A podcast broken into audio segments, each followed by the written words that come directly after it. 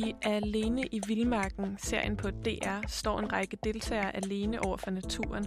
De skal klare sig uden moderne teknologi, og de slås med at få fanget fisk nok, mod ensomheden ved at være alene, og mod vind og vejr, der presser deres selvbyggede huler og hytter. Deltagerne vender så at sige tilbage til naturen. Men hvorfor er programmer, der vender tilbage til naturen, pludselig blevet så populære? Handler det om, at vores forhold til naturen er ved at ændre sig? Er det på grund af klimakrisen? Og hvordan ser det ud i kulturen og litteraturen? Hvordan forsøger ny litteratur at gentænke forholdet mellem menneske og natur? Og har litteraturvidenskaben noget at bidrage med til klimakampen? De kalder det et hovedværk, både i dit eget forfatterskab og i dansk litteratur. Dem, der inspirerer mig, dem jeg tænker sammen med, dem jeg laver politik og litteratur med. So what I'm going to do is just sit here and eat my book while you guys carry on.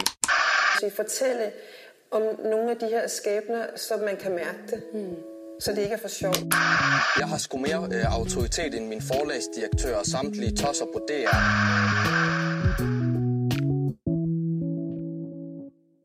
Velkommen til Boblen. Mit navn er Veronika, og i det her program der undersøger jeg den rolle, litteratur og kunst spiller i samfundet, og hvordan det påvirker vores selvopfattelse, vores idéer og vores drømme.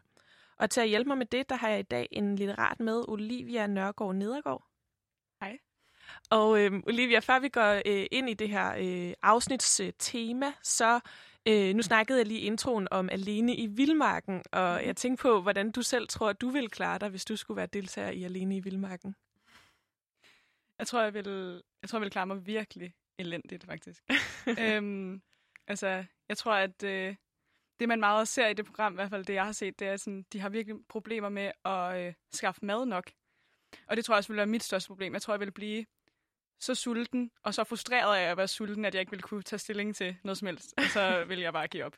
Ja, det er også noget af det, jeg har tænkt på i hvert fald, at øh, jeg har en tendens til i forvejen at blive relativt irritabel, hvis jeg ikke har fået spist. Lige præcis. Øhm, så det, det er nok svært. Og så er der selvfølgelig også alt det her med, med ensomheden i at skulle være helt øh, Mm. alene. Men jeg synes lige, vi skal prøve at høre et klip for lige at få en, en, et indtryk af stemningen i Alene i Vildmarken. Så er der touchdown. Hold kæft, hvor er det vildt. Jeg er i land. Jubi! Så er det bare mig og naturen. En for en måtte de se sig overvundet af sult, Jeg er desperat for at få noget at spise. det er virkelig ikke nemt. savn Jeg er bare virkelig meget, meget hjemme. og naturen som modstander. Det er jo en naturkatastrofe, for fanden. Jeg har vand inde i min uh, hytte. Jeg ikke lige helt, hvad jeg gør. Hvorfor er det, at jeg vælger at udsætte mig selv for det her? Ja, rimelig øh, vild øh, intro. Hvorfor er det, jeg vælger at udsætte mig selv for det her? det kan man måske godt også nogle gange sidde og tænke, når man ser på det. Øhm, Ja. Men Alene i Vildmarken, det er jo et program, som er kommet frem de seneste år, og, og der er rigtig mange, der ser med. Øhm, og jeg har undret mig lidt over det, fordi jeg synes, det virker som om, det er en del af sådan en tendens til, at øh, vi er begyndt at være ret glade for at se programmer, som på en eller anden måde vender tilbage til naturen eller kigger på naturen. Øh, et andet program er, er det, der hedder Vilde Vidunderligt Danmark, som handler om naturen i Danmark, Mm. som man jo ellers ikke skulle tænke var så fascinerende og spændende, men, øh, men som der simpelthen er blevet lavet sådan meget øh, øh, flere øh, afsnit serie øh, omkring, som er blevet sendt på, på DR. Og i det her sidste sådan, program, det her med Vilde Vidunderligt Danmark, der er det, der er det mennesket, der observerer naturen og analyserer naturen. Øhm, og, øhm, og det program, som, har, som vi hørte omkring Alene i Vildmarken, der er det jo mennesket, der på en eller anden måde skal prøve at kæmpe mod naturen eller overleve i naturen. Mm. Men i det her program, der skal vi undersøge en tendens, som måske hænger lidt sammen med de her programmer, men som går i en lidt anden retning, nemlig at man i litteraturen er blevet mere og mere optaget af naturen, og også af forholdet mellem menneske og natur. Og vi skal undersøge, hvordan nyere forfattere de forsøger at forhandle vores syn på forholdet mellem menneske og natur på en ny måde. Og så skal vi også snakke om, om det kan bidrage med noget til klimakampen. Og til at hjælpe os med det, der har du, Olivia, været ude og interviewe Torsten Bøgh Thomsen. Ja. Og Thorsten han er adjunkt ved, ved Syddansk Universitet, og han, han har blandt andet forsket i H.C. Andersen, og hvordan H.C. Andersen forholder sig til, til natur og menneske, øh, men også i det hele taget den her nye tendens til, at man, øh, man forholder sig anderledes til, til naturen. Og han præsenterer lige sig selv her. Jamen, jeg hedder Thorsten Bøge Thomsen, og jeg er adjunkt ved øh, Syddansk Universitet ved Institut for Kulturvidenskaber. Øhm, og det har jeg, jeg har været ved Syddansk Universitet siden 2014. Jeg arbejder, øh, øh, jeg underviser på litteraturvidenskab, men er også ansat ved H.C. Andersen Centeret. Og det er også der, jeg har skrevet min Ph.D., som jeg blev færdig med i 2017. Og derefter der blev jeg så færdig, øh, der blev jeg så ansat som adjunkt. Men øh, jeg har arbejdet med de her teorier øh, inden for det, man kan kalde øh, miljøhumaniora øh, eller økokritik øh, siden 2010, da jeg skrev mit speciale på øh, Københavns Universitet. Ja, så det vi skal høre om øh, i det her program, det er, hvordan man traditionelt har set på forholdet mellem natur og menneske i litteraturen. Vi skal prøve at finde ud af, hvad det så er for et opgør, som nyere litteratur tager med det her syn. Og så skal vi også diskutere lidt om, om det her med, at vi er så fokuseret på naturen i dag, altså om det er en bevægelse mod noget nyt, eller om det i virkeligheden er en tilbagevenden til, til noget lidt mere traditionelt. Og øhm, vi spørger med det her program, hvad litteraturen har at bidrage med til klimakampen.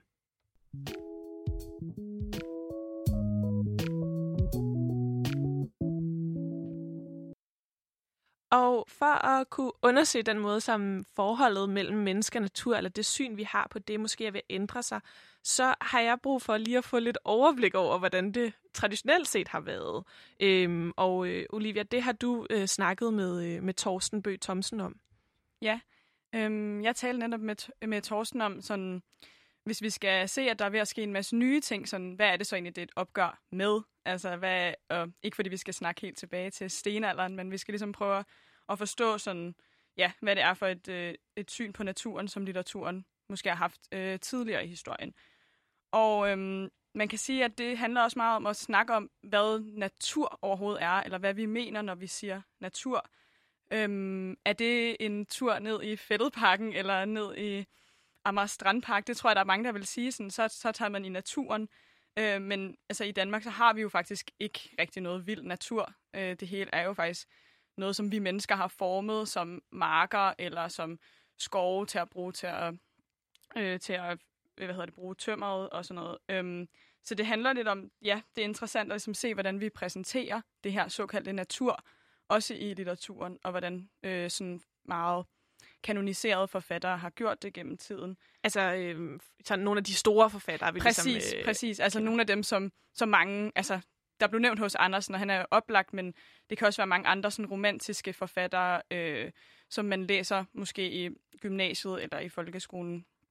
Øhm, så ja, netop romantikken kommer vi til at vende tilbage til, men jeg startede ligesom med at øh, spørge Thorsten om sådan, hvad, øhm, hvad som romantikken ligesom bygger på, og der er vi så inde på oplysningstiden, øh, sådan i omkring 1700-tallet, hvor at, øh, hvor at virkelig videnskaben vandt frem, øh, og, øh, og synet på naturen meget var, at den skulle være til nytte for mennesket, at man skulle bruge den til noget, man skulle bruge den til at lave sådan videnskabelige landvindinger med at opdage den og undersøge den og kategorisere den og sådan, ja, systematisere den.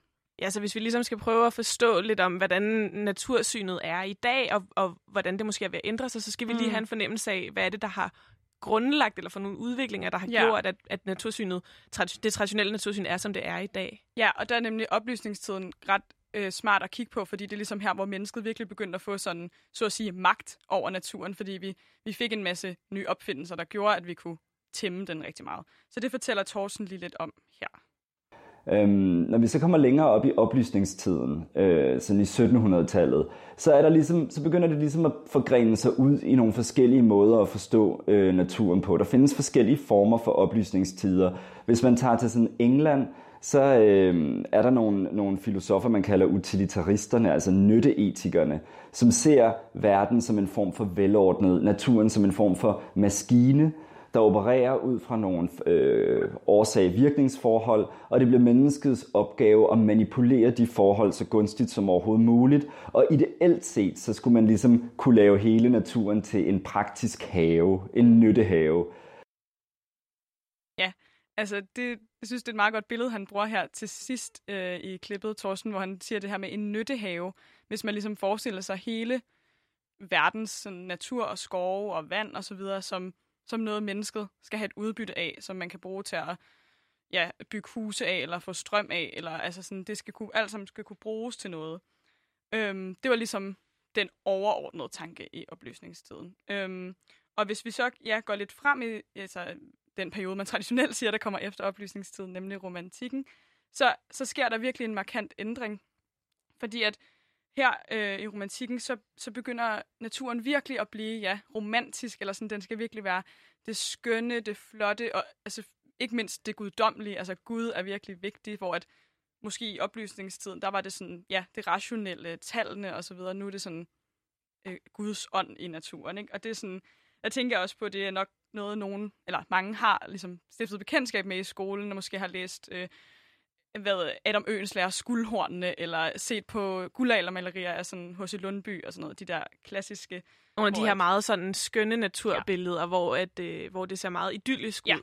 Ja, virkelig idyllisk med de lysende grønne bøgetræer og sådan helt blå himmel ude i dyrehaven, og sådan var virkelig øhm, var meget yndigt, ikke? Øhm, så øh, ja, det er ligesom her, der ligesom virkelig sker en ændring. Øhm, og så, ja, det vil, øh, det vil Thorsten også forklare lidt om, romantikkens natursyn. Romantikken er særlig interessant, fordi den også falder sammen med den industrielle revolution. Så øh, der, der er på en eller anden måde sådan, øh, man kan sige, samtidig med at det industrielle samfund bevæger sig imod større og større urbanisering, tilflytning til byerne, mekanisering, øh, så er der altså, man kan sige, den modsatte bevægelse i kunsten, hvor man vil finde bag om industrialiseringen tilbage til en eller anden form for mere oprindelig enhed og, øh, og harmoni. Så her er der lidt noget med at vende tilbage til noget. Lidt mm. ligesom det, jeg sagde med, alene i Vildmarken godt kan føles, som om man vender tilbage til, til noget sådan lidt mere øh, oprindeligt, eller øh, hvor noget har, hæng, har fungeret eller hængt sammen, siger ja, om her. helt klart, og det er også sjovt, at du nævnte øh, Vilde Vidunderlige Danmark, den øh, serie på DR, for det er som om, at de også virkelig griber tilbage til at male et nærmest guldalderagtigt billede af Danmark, og sådan også det her med at give dyrene sådan lidt menneskelig bevidsthed, at sådan, åh, det er ikke bare nogen ender, det er faktisk en mor og hendes børn, og sådan, det er meget i romantikernes ånd, vil jeg nærmest sige, det her med at besjæle naturen og gøre den sådan meget ophøjet. Det er ikke bare noget, der er, det er faktisk noget sådan virkelig skønt og vigtigt for kunsten. Ja. Hvis vi skal prøve lige sådan at, at kort opsummere, og måske også få kortlagt, hvad det så er for nogle tendenser ved den her historiske, traditionelle øh, natur-menneskesyn, eller synet på forholdet mellem menneske og natur, som måske også har vist sig at have nogle problematikker, mm. øhm, som så øh, jo måske er derfor, at der i dag er ved at ske nogle ændringer. Hvad, hvad er det så for nogle, nogle ting ved de her natursyn, både oplysningstidens, det her med at bruge mm. naturen, men også det her meget romantiske syn. Mm. Hvad, hvad for nogle problematikker er der ved de syn? Øh?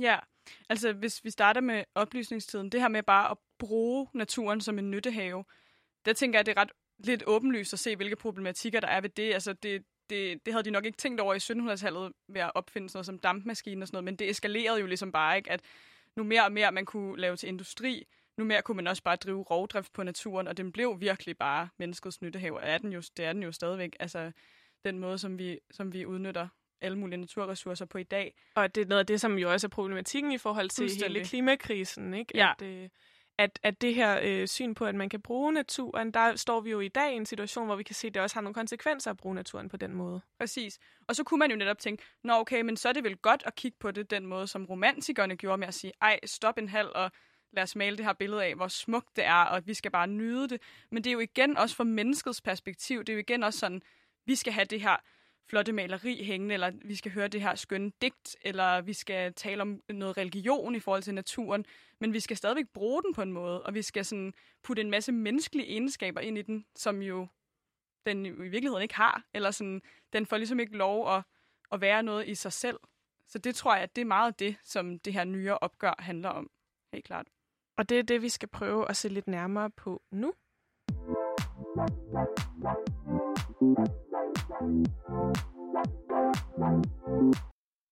Du lytter til Boblen, hvor jeg, Veronika, sammen med litteraten Olivia, undersøger, hvordan litteraturen den forholder sig til klimakrisen, og om vores syn på forholdet mellem mennesker og natur er ved at ændre sig og vi har lige hørt det, man kan kalde øh, det traditionelle syn på mm, forholdet mellem menneske og natur, hvor der har været øh, forskellige tider, der har set på naturen på forskellige måder. Nogle af de ting, som har domineret mest, har vi lige hørt øh, fra øh, adjunkt Thorsten Bø Thomsen.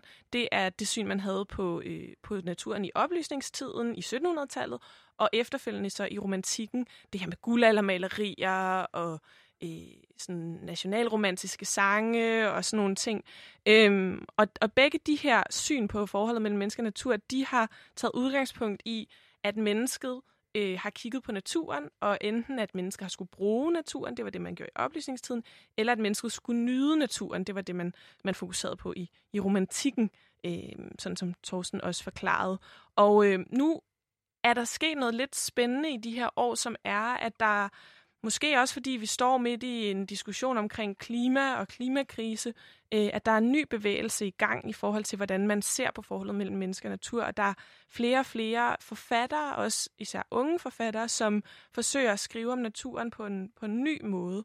Og Olivia, kan du lige sådan, måske sådan lidt overordnet sige, hvad er det for et opgør med de her traditioner, der, der sådan er i gang lige nu? Ja, jeg tror, det man kan sige, det er, at for langt de fleste sådan, nyere forfattere, både herhjemme og i udlandet, så er klimakrisen bare blevet sådan en alt overskyggende fakt. Eller sådan, man kan ligesom ikke komme uden om den, øh, når, når man ligesom vil udtrykke sig øh, kunstnerisk. Øh, og det behøver jo ikke at være, at man skriver om den konkret, at der står ordet klima i, i en bog, men det, det er bare den tilstand, som mennesket befinder sig i nu, så det, det er ret svært at komme udenom, og det synes jeg tydeligt, man ser i, i litteraturen. Øhm, og sådan, jeg kunne godt tænke mig at knytte sådan, ja, et lille begreb til det, eller et begreb, men det er i hvert fald sådan, øhm, man har ligesom talt om sådan, de her geologiske tider, jorden har været igennem sådan alt muligt kridttiden, og ja, hvad ved jeg. Det, Som man jeg, måske har haft om i, i ja. geologi eller øh, biologi i folkeskolen. Præcis, sådan. det vil jeg ikke prøve at redegøre for, men sådan, der, man opererer ligesom med at sige, at nu er vi i den antropocæne tidsalder. Og det betyder, at det er mennesket som faktor, eller sådan, det er ikke øh, nogle naturkræfter, der ligesom påvirker jordens tilstand allermest nu. Det er mennesket. Det er, hvad mennesket gør på jorden, øh, lige nu, eller sådan de sidste ret mange år, er ligesom det, der former jordens tilstand. Så jorden har simpelthen, altså man kan sige, at, at de ting, som menneskeheden har gjort, for eksempel industrialisering mm. og den måde, man producerer på, nu øh, begynder at, øh, at faktisk sætte, sætte geologiske aftryk. Præcis, rigtig meget. Der er ligesom ikke noget, der slår os nu. Altså, der er ikke nogen anden geologisk eller naturkraft, der ligesom kan påvirke jorden mere, end vi gør. Øhm, og det tror jeg også, at det som, det er jo selvfølgelig også, altså ja, klimakrisen, men det, så det er også lidt en erkendelse af det. Det er en anden erkendelse af, nu mestrer vi det hele. Og det er så også lidt opskriften på undergangen, ikke? Altså ikke for at være alt for dyster, men sådan... altså, man kan godt få det lidt dystert, når man snakker ja, om klima, jo. Ja. Men hvad er det så, de prøver på, de her øh, forfattere, øh, der forsøger at skrive ja. på en anden måde? De, de prøver mange forskellige ting jo, fordi det kan også være enormt dystert. Det kan være dystopier og sådan vi er på vej mod en undergang. Det kan også være øh, måske nogle håb for en alternativ måde at, at, øh, at have en verden på. Øh, det kan også bare være en konstatering af, hvordan det måske er at være, være menneske øh, i den her tid. Og det kan også være, som vi kommer til at snakke mere om, tænker jeg, at det her med at, at prøve at kigge på naturen på en anden måde, se den for sig selv. Sådan, hvad er alle de her naturkræfter egentlig for sig selv, når vi ikke prøver at, at skrive os selv ind i det hele tiden. Og det er nem, nemlig ikke sådan, at hvis det er politisk eller handler om klimakrisen i litteraturen, så står der ikke nødvendigvis sådan, øh, kære politikere, vi vil have en klimalov i, i en bog. Altså, det, det kan være virkelig mange måder at være politisk på. Øhm, men overordnet set, så er det det her med at prøve at skrive fra et nyt sted. Mm. Øhm, fordi at vi er i en så sådan banebrydende tid. Øhm, og ja, skrive fra et nyt sted, et opgør med det her menneske i centrum. Sådan, ja.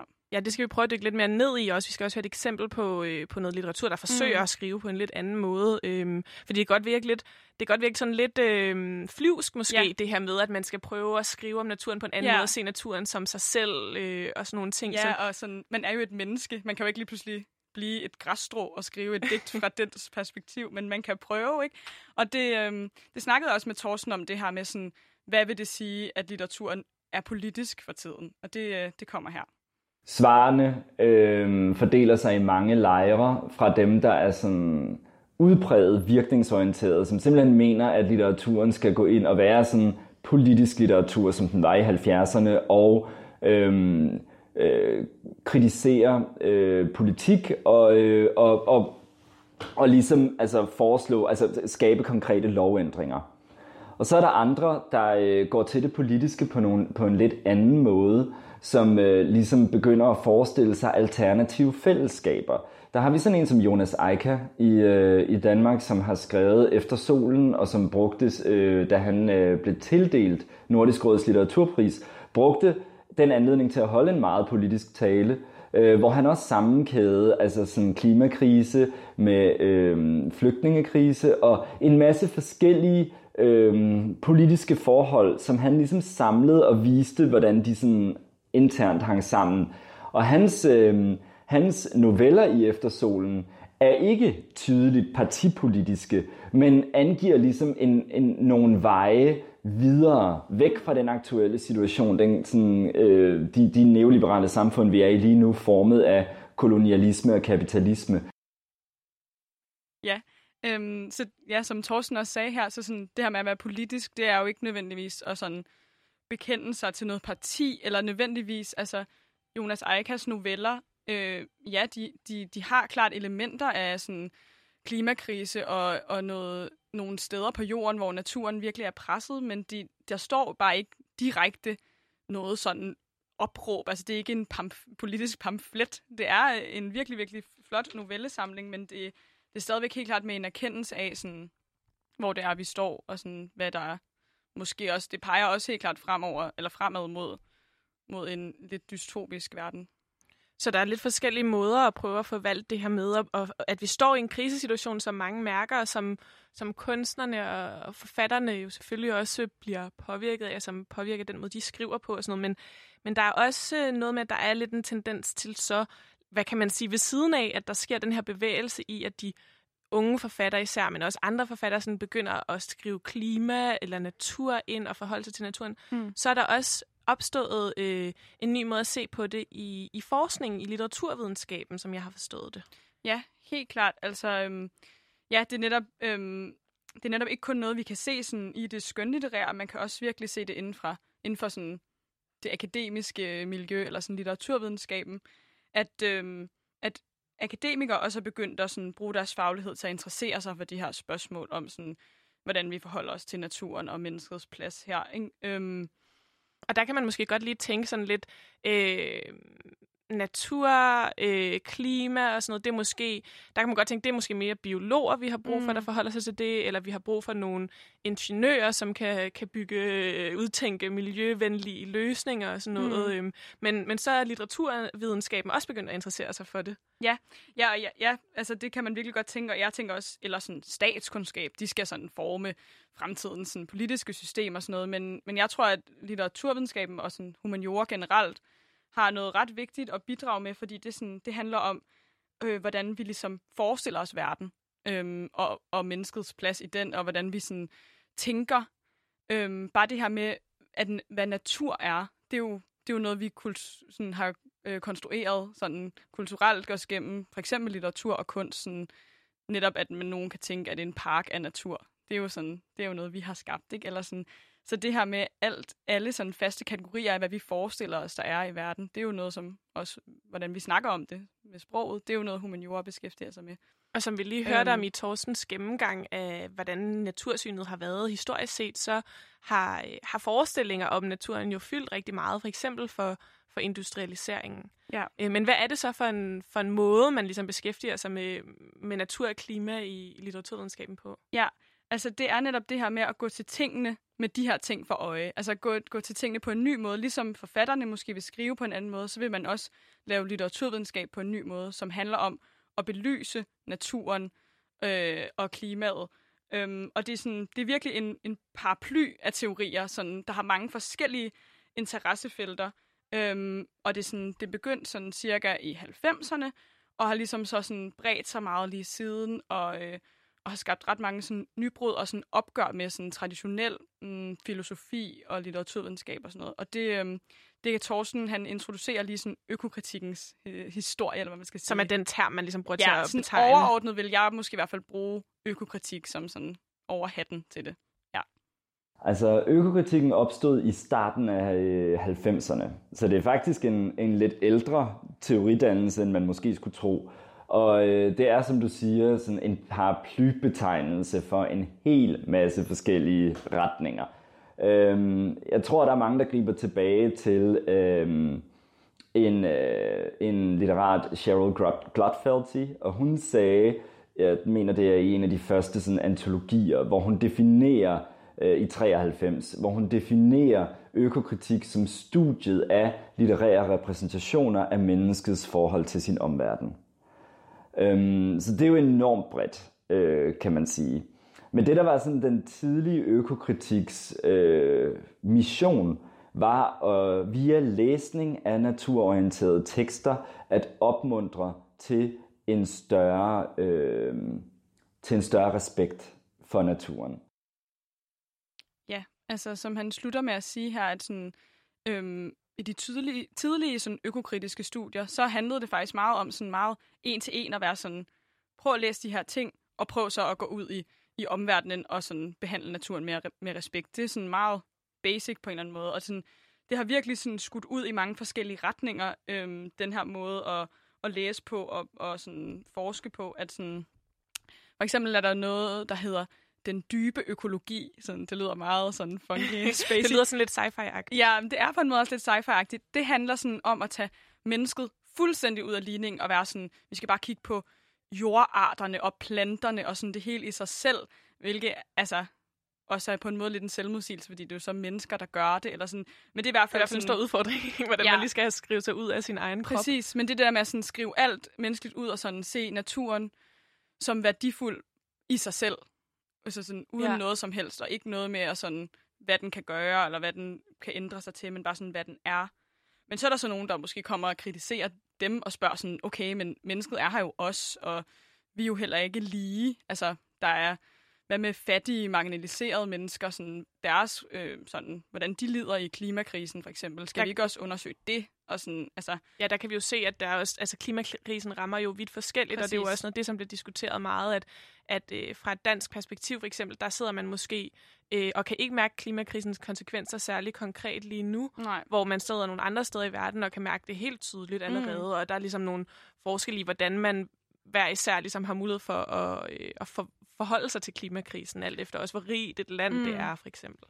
Ja, og på den måde kan der være sådan nogle meget tydelige sådan, sociale aspekter også i de her studier, og netop kigge på, hvordan det rammer skævt, og helt klart også, øhm, altså også i det, Thorsten introducerer, sådan, helt klart også noget kapitalismekritik på spil, ikke? Altså fordi, at, at det jo måske er meget af grunden til, at, at jorden har det, som den har det, at vi ligesom har, har ja, kapitaliseret så meget på den. Så det er... Altså man har skulle tjene penge ja. på naturen på en eller anden måde. Man skulle bruge den til at sælge nogle varer, producere nogle varer, som værdifuld, skulle sælge. Ja. ja. Øh, men altså, der, der er helt sikkert det er virkelig en paraply, og der er virkelig mange funky ting også på spil, og noget, der bliver meget sådan teknologi og fremtiden og robotter, og jeg ved ikke hvad, sådan virkelig spacey noget af det, men sådan overordnet set, så er det jo det her med sådan, hvordan forholder mennesket sig til sin omverden? Hvad er det her for en omverden? Og vi skal måske væk fra det her traditionelle filosofiske syn, hvor sådan menneskets ånd står i centrum. Det skal vi sådan gøre op med. Vi skal nok også gøre op med måden, vi hidtil har haft samfund på, altså det her kapitalismekritiske. Og vi skal gøre op med, altså mener de her teoriretninger, sådan, øh, at det her skæld mellem, der er naturen, og så er der mennesket. Det er sådan meget traditionelt, at man ser måske, ja, mennesket, det er dem, der kan tænke og gøre alt muligt, og så er der naturen. Den mm. er der bare. Sådan, man skal tænke mennesket ind i naturen, ikke? Lidt tilbage til vildmarken, men mere sådan, ja, at man skal ikke skille det, fordi vi er lige så meget en del af naturen, som en koral er. Og det er jo ret interessant, og det er jo i hvert fald en, en ny bevægelse, kan man sige, at man Præcis. skal prøve at tænke forbindelseslinjerne mere ja. end, hvordan kan man udnytte, eller hvordan kan man se på, mm. på naturen. Øhm, men nu har vi snakket lidt om, hvordan der både i litteraturen er en tendens til, at forfatterne skriver mere med klimakrisen og naturen, i, i hvert fald i baghovedet, og det kommer ud på forskellige måder. Ja. Og så der er de her forskellige retninger inden for forskningen sådan kan samles under det her begreb økokritik, hvor man mm. i højere grad øh, ser på øh, mennesket i relation til naturen, men ikke ud fra sådan en idé om udbytte, eller, eller hvor man bevæger sig lidt væk fra det menneskecentrerede. Ja. Men hvis vi lige skal prøve at få sådan en idé om, hvordan man kunne gøre det, eller hvordan nogen forsøger Mm. at gøre det, så har jeg jo øh, bedt dig om at tage en tekst med, Mm. øhm, og, øh, og den tænker jeg, at, øh, at vi lige skal høre. Vil du ikke lige hurtigt først præsentere den? Jo, og allerførst vil jeg lige sådan sige det her med, sådan, jeg synes, det, giver helt, det er virkelig spændende, det her med at se øh, litteraturen op mod sådan litteraturvidenskaben. Altså, det giver jo helt vildt god mening, men bare for at sige, at man kan ikke nødvendigvis trække en en-til-en linje mellem det, der bliver forsket i inde på universiteterne, og så det, der bliver skrevet. Fordi at man må trods alt også tænke, at forfatterne har deres egne sådan, kunstneriske frie vilje og så videre, så det er bare lige for at sige det. Men altså, helt klart, man kan se mange af de her øh, sådan, tendenser, øh, ligesom gå lidt på tværs, og helt klart også blive inspireret af hinanden. Det tror jeg ikke, der er nogen tvivl om. Øhm, og så, jeg sagde det der lidt fjollede eksempel før med, at man ikke kan skrive for et græsstrå, når man er et menneske. Men det er faktisk lidt det, som, øh, som der bliver prøvet at blive gjort i det her, øh, i det her digt, jeg har taget med. Det er øh, en dansk forfatter, der hedder Andreas Eckhart Læsø, der har skrevet en øh, digtsamling, der hedder Det skal nok gå, som er kommet hmm, for et par år siden, tror jeg nok. Ja, sådan noget 17-18 stykker. øhm, på det lille forlag, der hedder Ovopress, som er et rigtig fedt forlag. Ja. Øhm, og han har skrevet sådan nogle tekster midt i bogen, som er sådan lidt nogle ritualer på en måde, hvor han, øh, han netop også sådan opfordrer lidt til en ny omgang med, med naturen. Så, øh, Ja. Og jeg, får, jeg giver dig lige en, øh, en lille introlyd, så vi lige kan komme i stemning til at, øh, til at få oplæsning. Den kommer lige her.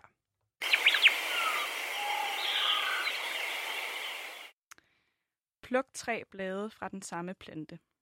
Læg dem ved siden af der, hvor du sover.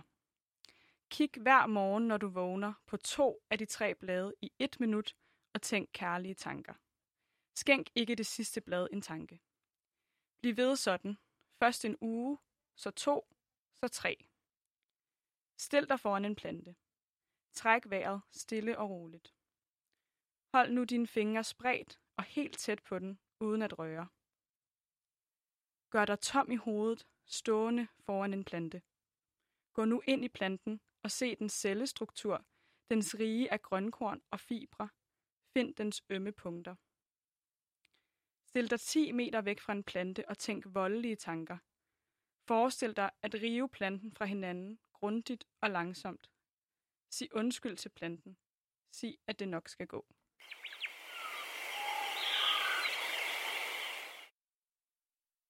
Ja, tak for oplæsningen, Olivia. Øhm, kan du prøve at sige lidt om, hvorfor du havde taget, øh, taget den, øh, det uddrag med? Ja, øhm, fordi jeg synes det, for det første synes jeg, det er en sjov måde at skrive på det her med sådan den her øh, bydeform, sådan gør stil dig her, gør det, sådan, det, er en, det er en ret sådan, det er en skæg måde at skrive digte på, og øhm, Ja, og tale til planten, sig til planten, Ja, at det nok skal sig- gå. sig til den, øhm, og det der, det skal nok gå, det er jo også sådan lidt sødt, det er sådan lidt, måske skal det nok gå, øh, hvis man får en anden, en anden syn på tingene.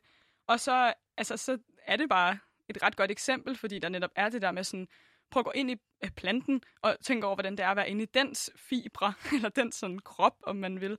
Øhm, det er jo sådan et ret godt eksempel på de her ting med, at vi skal ikke bare stå og kigge sådan, nå, det er en flot plante, eller nå, det er en plante, jeg kan høste noget fra, eller sådan, hvis vi vender tilbage til det. Det er sådan, vi skal ligesom prøve at tænke sådan, den er lavet af et, et materiale, fibre og grønkorn, men vi er også lige så meget lavet af, øh, altså bygget af biologisk materiale, som bare er lidt anderledes. Og hvis man skulle prøve sådan lige at sige sådan, altså det er jo selvfølgelig, nu har vi, hører vi jo øh, noget digt, altså som jo selvfølgelig også har et andet format, end hvis det var et politisk skrift, Mhm. mm. eller en, et debatindlæg, eller sådan noget. Ja, ja. Men, øhm, men det man kan her, er jo, at man på en eller anden måde bliver bedt om at forestille sig nogle ting, som ja. vi måske ikke normalt forestiller os.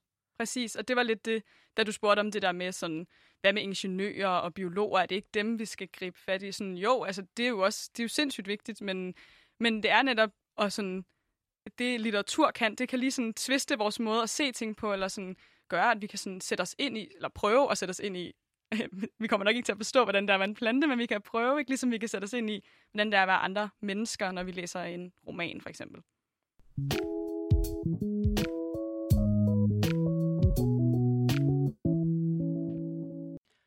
Okay, så øh, nu har vi hørt lidt omkring den her øh, bevægelse til, at man prøver at se på forholdet mellem menneske og natur på en ny måde.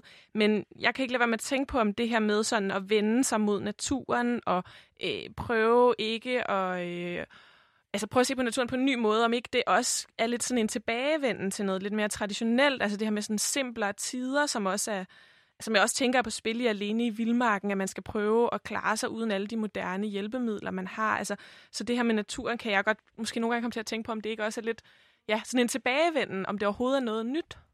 Ja, det, det er også en ret spændende overvejelse egentlig. Især for eksempel med eksemplet med øhm, Alene i Vildmarken, fordi det er jo sådan, de skal prøve ja, at gå helt tilbage til noget sådan grundlæggende. Og det tror jeg sådan lidt også er en trend på en måde, at der er mange, der prøver sådan, så vil man gerne have en gammel mobiltelefon for ligesom at sådan koble af og sådan alle de der ting. Men, Eller folk, der flytter ud i en skov. Ja, ja, det er der også sikkert. nogle gange artikler om. Ja, helt sikkert. Det tror jeg sådan er rigtigt nok, at der er nogle tendenser, som er det her gående tilbage, men hvis vi tager det sådan i litteraturen, så tror jeg, det er vigtigt at tænke, at, at de her bevægelser, det, det er ikke sådan en gåen tilbage til for eksempel romantikken, hvor man bare, eller sådan med at sige, ej, naturen er så fantastisk, og vi skal bare øh, værne om den, fordi den er så smuk, og så videre. Altså, selvfølgelig må man godt tænke, at naturen er smuk, men det handler ligesom lige så meget om at, og, øhm, at se den, som den, som den er, og se den, og sådan, hvor udfordret den er. Så det er ikke kun sådan en, ej, hvor fedt, hvis vi kunne afskaffe alt det moderne, fordi det er ikke sådan, at man skal gå væk fra teknologi, tror jeg ikke, jeg vil sige. Altså, nu hørte vi lige det her med øh, tidligere, at, øh, at Thorsten Bøgh Thomsen, som jo så har hjulpet os med at blive introduceret til, til de her tendenser, også i forskningen med, med det, man kalder økokritik, mm. øh, at, at han jo faktisk har forsket i H.C. Andersen, som jo er sådan en stor, øh, en, måske den største, i hvert fald mest kendte danske ja. forfatter i udlandet. Helt klart. Og øhm, øh, det er jo lidt interessant, sådan, hvorfor han lige kigger på, på H.C. Andersen, som man skulle tænke netop var sådan det her romantiske. Ja, Ja, det er nemlig... Først da jeg sådan begyndte at læse om det forskning, Thorsten har lavet, så tænkte jeg også, det lød skørt på en eller anden måde, fordi det er jo netop slet ikke af de her øh, nye tendenser. Øhm, og han gør også noget lidt skørt, det her med, at han, øhm, han, han laver et meget, meget omfattende studie hos Andersens forfatterskab, men han bruger en masse af det her nye økokritiske teori, som er sådan, ja, fra 90'erne op efter. Han bruger også noget, der er sådan meget, meget nyt inden for de seneste par år af teori, til at læse det med. Og det er, sådan, det er bare også et ret skørt greb. Øhm, men han, han finder ligesom frem til, at sådan, det kan godt være, at hos Andersen skrev i romantikken, og på, i nogle af sine øh, tekster også øh, har et ret sådan, romantisk natursyn og nogle meget, meget smukke naturskildringer. Men, øh, men han havde også virkelig stor fokus på for eksempel ting og materialer. Øhm, der er nok mange, der kender nogle af hans eventyr, som bliver kaldt tingseventyr, sådan noget som Toppen og Bolden, hvor det er ja, døde ting, der ligesom pludselig får øh, tanker og følelser. Øhm, og plus, at han, han levede i en tid, som var meget en brydningstid, hvor industrialiseringen begyndte at sådan vinde frem, og det havde han det også meget sådan problematisk med at se den ligesom skride frem, og se det her med naturen virkelig blive udnyttet. Ja, vi har lige fundet et klip, øh, eller jeg har lige fundet et klip, som jeg lige vil spille, hvor vi lige får lidt en sådan stemning fra, fra H.C. Andersen, og så ja. skal vi prøve at høre lidt mere om, hvordan det er Thorsten, så hvad det er, han finder ud af i forhold til, til H.C. Andersens syn på, på naturen. Øh, men det her klip, det er noget oplæsning fra øh, det eventyr, der hedder, eller den historie, der hedder Den lille Idas blomster. Det hører vi lige øh, en lille smule af her. Mine stakkels blomster er ganske døde, sagde den lille Ida.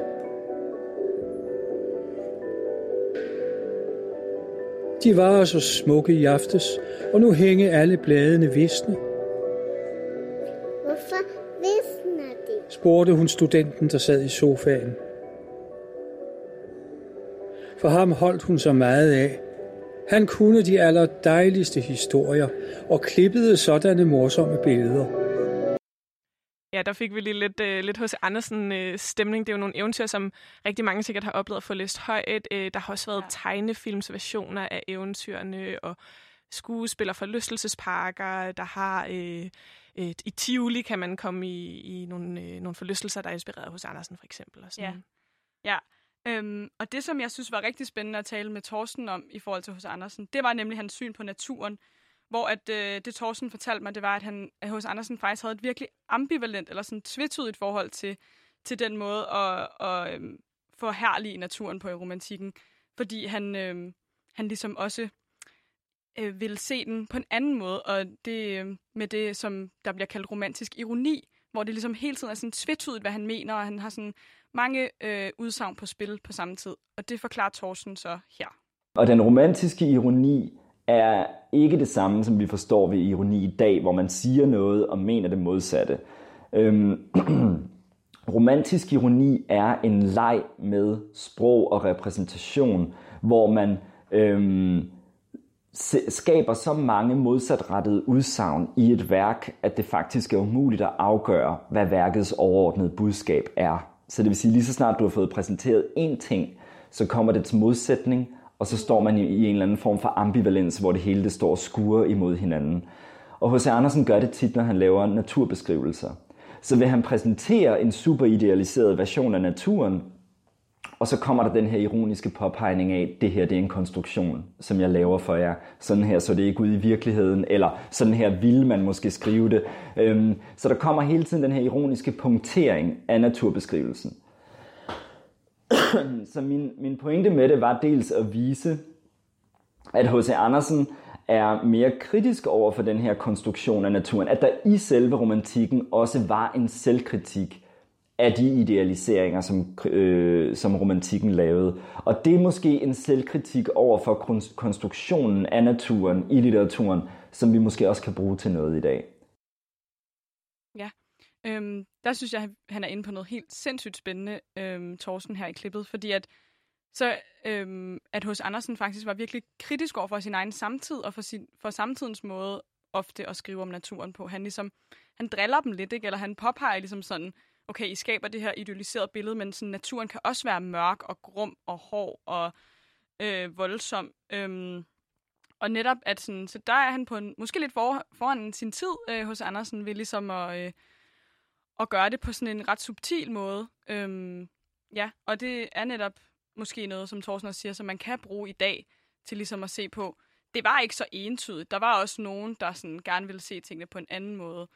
Så måske kan man også opdage nogle ting ved nogle af de, øh, de ting, vi antager for at være traditionelle idéer om mennesker og natur. Der kan man mm. opdage nogle andre sider af det, øh, hvis man kigger på det øh, med nogle lidt nye briller i dag. Ja, præcis. Øhm, ja, man kan måske sige, at, øh, at det var ikke det var ikke så entydigt, og, øh, og at, at der altid vil være sådan, ja, nogle, nogle modsatrettede sådan, ting på spil. Også øh, i det ældre litteratur, som man er vant til at få udlagt sådan ret entydigt.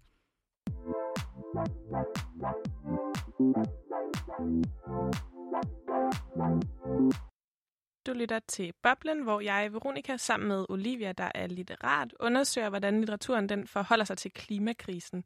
Og også hvordan det blandt andet er en tendens både i forskningen, i litteraturvidenskaben, men også i nyere litteratur, at man forholder sig kritisk til det traditionelle syn på forholdet mellem menneske og natur, hvor naturen den er blevet anset for at være noget, man skulle udnytte, øh, eller noget, man skulle nyde, fordi den var smuk. Altså, man har taget udgangspunkt i mennesket, sådan, hvordan mennesket kunne bruge naturen på forskellige måder.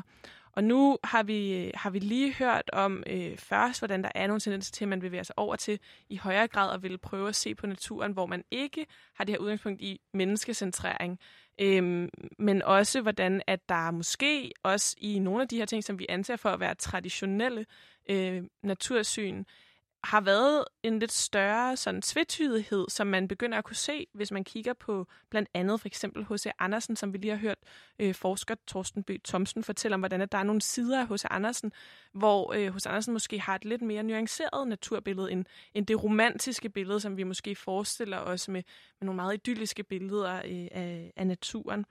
Men øh, hvis vi sådan skal prøve at sådan snakke lidt overordnet om den her udvikling, eller den her, sådan, de her tendenser, der er i både i litteraturen og i litteraturvidenskaben, så tænker jeg alligevel lidt på, om det, altså, om det overhovedet gør nogen forskel, eller hvad, hvad, skal, hvad skal det ligesom gøre godt for, at vi har det her øh, nye fokus, at man begynder at, at prøve at se på naturen på en ny måde? Altså kan, kan litteraturen bidrage med noget til klimakampen? Altså gør det nogen forskel, at vi læser bøger, der forholder sig mm. anderledes til naturen, eller, eller er litteratur ikke også bare noget, man, man læser for underholdningens skyld, og så, eller ligesom man ser alene i Vildmarken, måske mest for underholdningens skyld? Mm. Altså, det er jo klart, at vi ikke løser klimakrisen ved at læse digt. Altså, det, det tror jeg, vi kan blive enige om. Øh, det ville ellers være dejligt. Eller ved at skrive det, for den sags skyld. Ja, ja, det vil være virkelig dejligt, men, øhm, men fra det fra, så til at sige, at litteraturen er fuldstændig sådan apolitisk, eller ikke har noget at sige, det, det synes jeg ikke, man kan sige. Altså, øhm, som vi lidt har været inde på, så er det jo det her med at se tingene på en anden måde, ændre vores perspektiv, og, og ændre vores syn og tilgang til verden. Og hvis vi gerne vil det, og det, det tænker jeg, vi godt vil, hvis vi gerne vil ud af klimakrisen, så skal vi både gøre det øh, med ingeniørernes hjælp og med statskundskabernes hjælp, sådan ændre teknologi, ændre politik, men vi skal også sådan, ja, ændre vores tankegang eller vores måde at se på verden på, og vores, dermed også vores måde at fremstille den på. Og det tror jeg, vi kan, vi kan bruge litteraturen og kunsten til at bruge den, men altså det er noget, det den kan, kan bidrage med, at den kan, sådan, den kan vise alternativer, vise nye måder, den kan give os empatien, eller mm, hvad skal man sige, også håbet, og den kan også give os dystopien af, hvordan det kan se ud. Altså den kan ligesom præsentere alle de her forestillingsrækker, eller sådan. Altså sådan, i virkeligheden kan den stille nogle scenarier op, som man ligesom Præcis. forestiller sig faktisk kunne være virkelig, men som måske ikke er det lige nu. Ja, og den kan sætte ord på det, der ligesom går og spiger rundt omkring. Altså netop det her med at forestille sig en anden verden, forestille sig et andet syn på klima, det kan den ligesom udtrykke de her tanker og følelser. Og jeg synes, at Thorsten han sagde det på en virkelig fin måde øh, i det, vi skal høre nu, hvor at sådan, han er sådan, litteratur er politisk. Sådan er det bare. Litteraturen er altid politisk i en eller anden forstand. Den kan have forskellige grader af aktivisme, men der er en, det er altid i mine øjne en politisk gestus at sende en bog ud i verden øh, for folk at læse. Øhm, og jeg ser i høj grad som den økologiske bevægelse, der er lige i øjeblikket, øhm, ser jeg som en del af et meget større, bred, bredere netværk, øhm, der knytter an til andre bevægelser imod undertrykkelse lige i øjeblikket. Øh, vi har et meget aktuelt eksempel i øh, de demonstrationer, der foregår i øjeblikket, som resultatet af, at, øh, øh, at øh, brune og sorte mennesker i USA bliver slået ihjel. Øh, der er en kamp lige i øjeblikket imod ulighed og undertrykkelse, hvor, hvor forskellige, som ikke er styret, altså topstyret et sted fra, men som ligesom græsrodsagtigt spiger op nedefra, og hvor der er nogle løse forbindelser imellem de her forskellige øh, øh, grupperinger. Øhm, og der tænker jeg, at litteraturen spiller også en rolle i det. Ja, øhm, ja, som Thorsten siger, så, så er det jo det her med netop at sætte, sætte ord på de, øh, på de tanker og de frustrationer og de sådan opmundringer til handling, der er lige nu. Og det kan både være, når det kommer til racisme, det kan også virkelig være, når det kommer til klimakriser. Så der, der har, øh, det behøver heller ikke være en, en roman eller en digtsamling i traditionel forstand, men bare det her med at sætte ord på det og sige noget, der er vi allerede lidt inde på litteraturens felt. Ikke? Øhm, så det, øh, ja, så på den måde er det altid ret politisk at, at skrive en bog.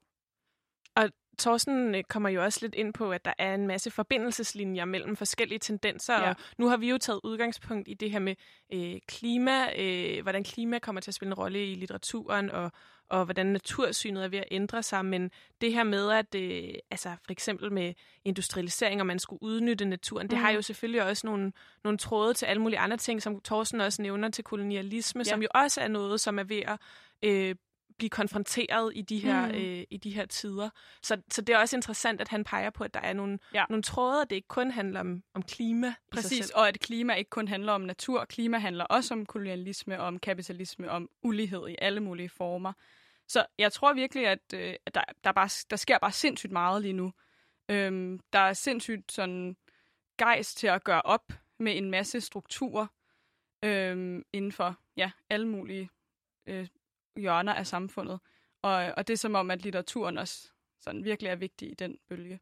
Og vi har prøvet i det her program at give sådan øh, en, en, en, et indblik i, hvordan man i litteraturen og i litteraturvidenskaben forsøger at arbejde med og understøtte på en eller anden måde den her, øh, den her gejs eller griben og blive formet af den, mm. øh, og hvordan der også er en vekselvirkning mellem ting, der sker ude i verden, øh, og, og ting, der sker øh, i bøgerne eller i forskningen.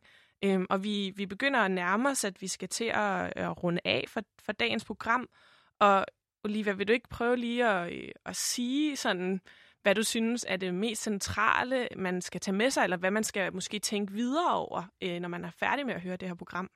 Jo, altså, det synes ikke, det er så nemt, fordi der er virkelig der er mange ting på spil, ikke? Men, Ja. øhm, men jeg tror, at sådan, det er nok det her med, at sådan som, som situationen er lige nu, øh, at vi står midt i en, en klimakrise, en natur- og biodiversitetskrise, som det så fint hedder, med arter, der dør, og, og naturen, der virkelig er i knæ, så, sådan, så er vi nødt til at tænke over måden, vi forholder os til naturen og sådan vores omverden på. At vi kan ikke bare blive ved med at tale det som noget stående uden for os selv. Vi er nødt til at sådan, kritisere den måde, vi har, har tænkt om natur på, og vi har, vi har virkelig brug for alternative fortællinger, sådan, øh, når det kommer til det her med mennesket og natur, og tænke det mere sammen måske. Tænke det sådan, de, de hænger virkelig, virkelig sammen, og vi kan, øh, ja, vi er nødt til at, at tænke på en anden måde, hvis vi skal, skal tænke, hvordan vi kan øh, have et andet samfund. Ja. Og at, fortællinger på en eller anden måde sådan kan måske hjælpe til at, at Ja. tænke på en ny måde. Ja, ja, fordi jeg tror bare, hvis man skal, hvis man skal tænke nogle løsninger på klimakrisen for eksempel, så er man jo også nødt til, ja, jeg har allerede sagt tænke, så skal man tænke på en anden måde. Så man kan ikke øh, kun snakke om, øh, hvilke tekniske løsninger der er, fordi det er jo også mennesker, der laver samfundet, og vi, vi går til det med vores sådan, kulturhistorie og måden, vi har forstået det at være menneske på, og det at, at have natur på. Så det er vi også nødt til at ændre.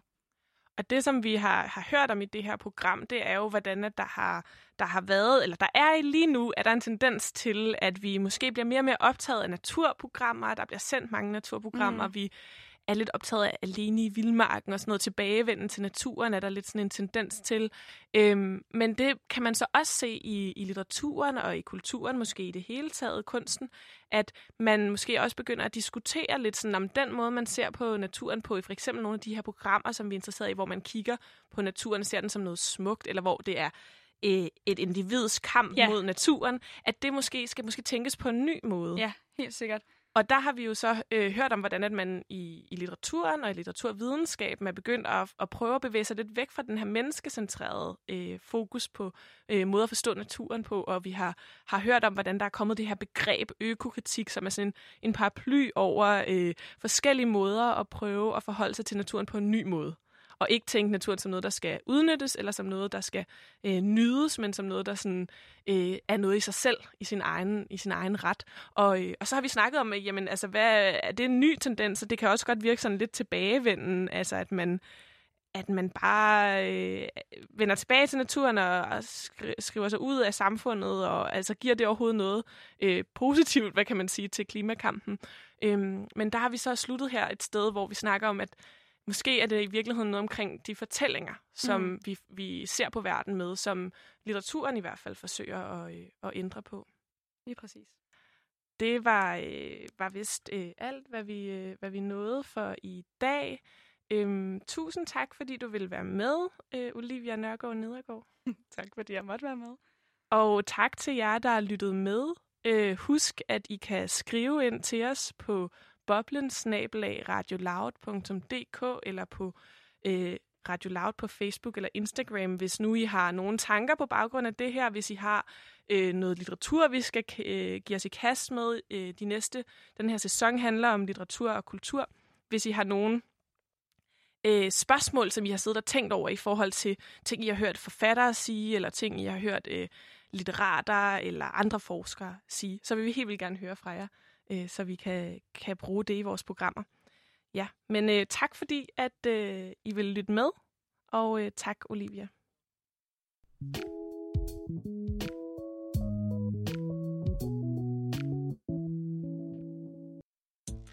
Du lyttede til Boblen. Programmet er produceret af Danske Studerendes Fællesråd. Programmets værter var Olivia Nørgaard Nedergaard og Veronika Arnsbøl Schulz. Programmets redaktør var Toge Daler, og programmet er tilrettelagt i samarbejde med Alberte Borsholdt. Musikken den er produceret af Esben Kjeldsen Krav, og vi spillede klip fra DR og Kulturcenteret Assistens. Og så læste vi op fra bogen Det skal nok gå af Andreas Eckhart Læsø. Tak til Fællesskab for Kritiske Litterater og til Torsten Bøg Thomsen. Og tak til jer, der lyttede med. Hvis du sidder tilbage med nogle spørgsmål til litteratur, kunst og kultur, eller hvis du har undret dig over noget, du har hørt forfattere, anmeldere eller andre eksperter snakke om i forhold til litteratur og kultur, så vil vi rigtig gerne høre fra dig, så vi kan lave et program om de spørgsmål, som du sidder med. Send dine spørgsmål ind til boblensnabelagradioloud.dk eller find Radio Loud på Facebook eller Instagram. Nu er det tid til nyheder.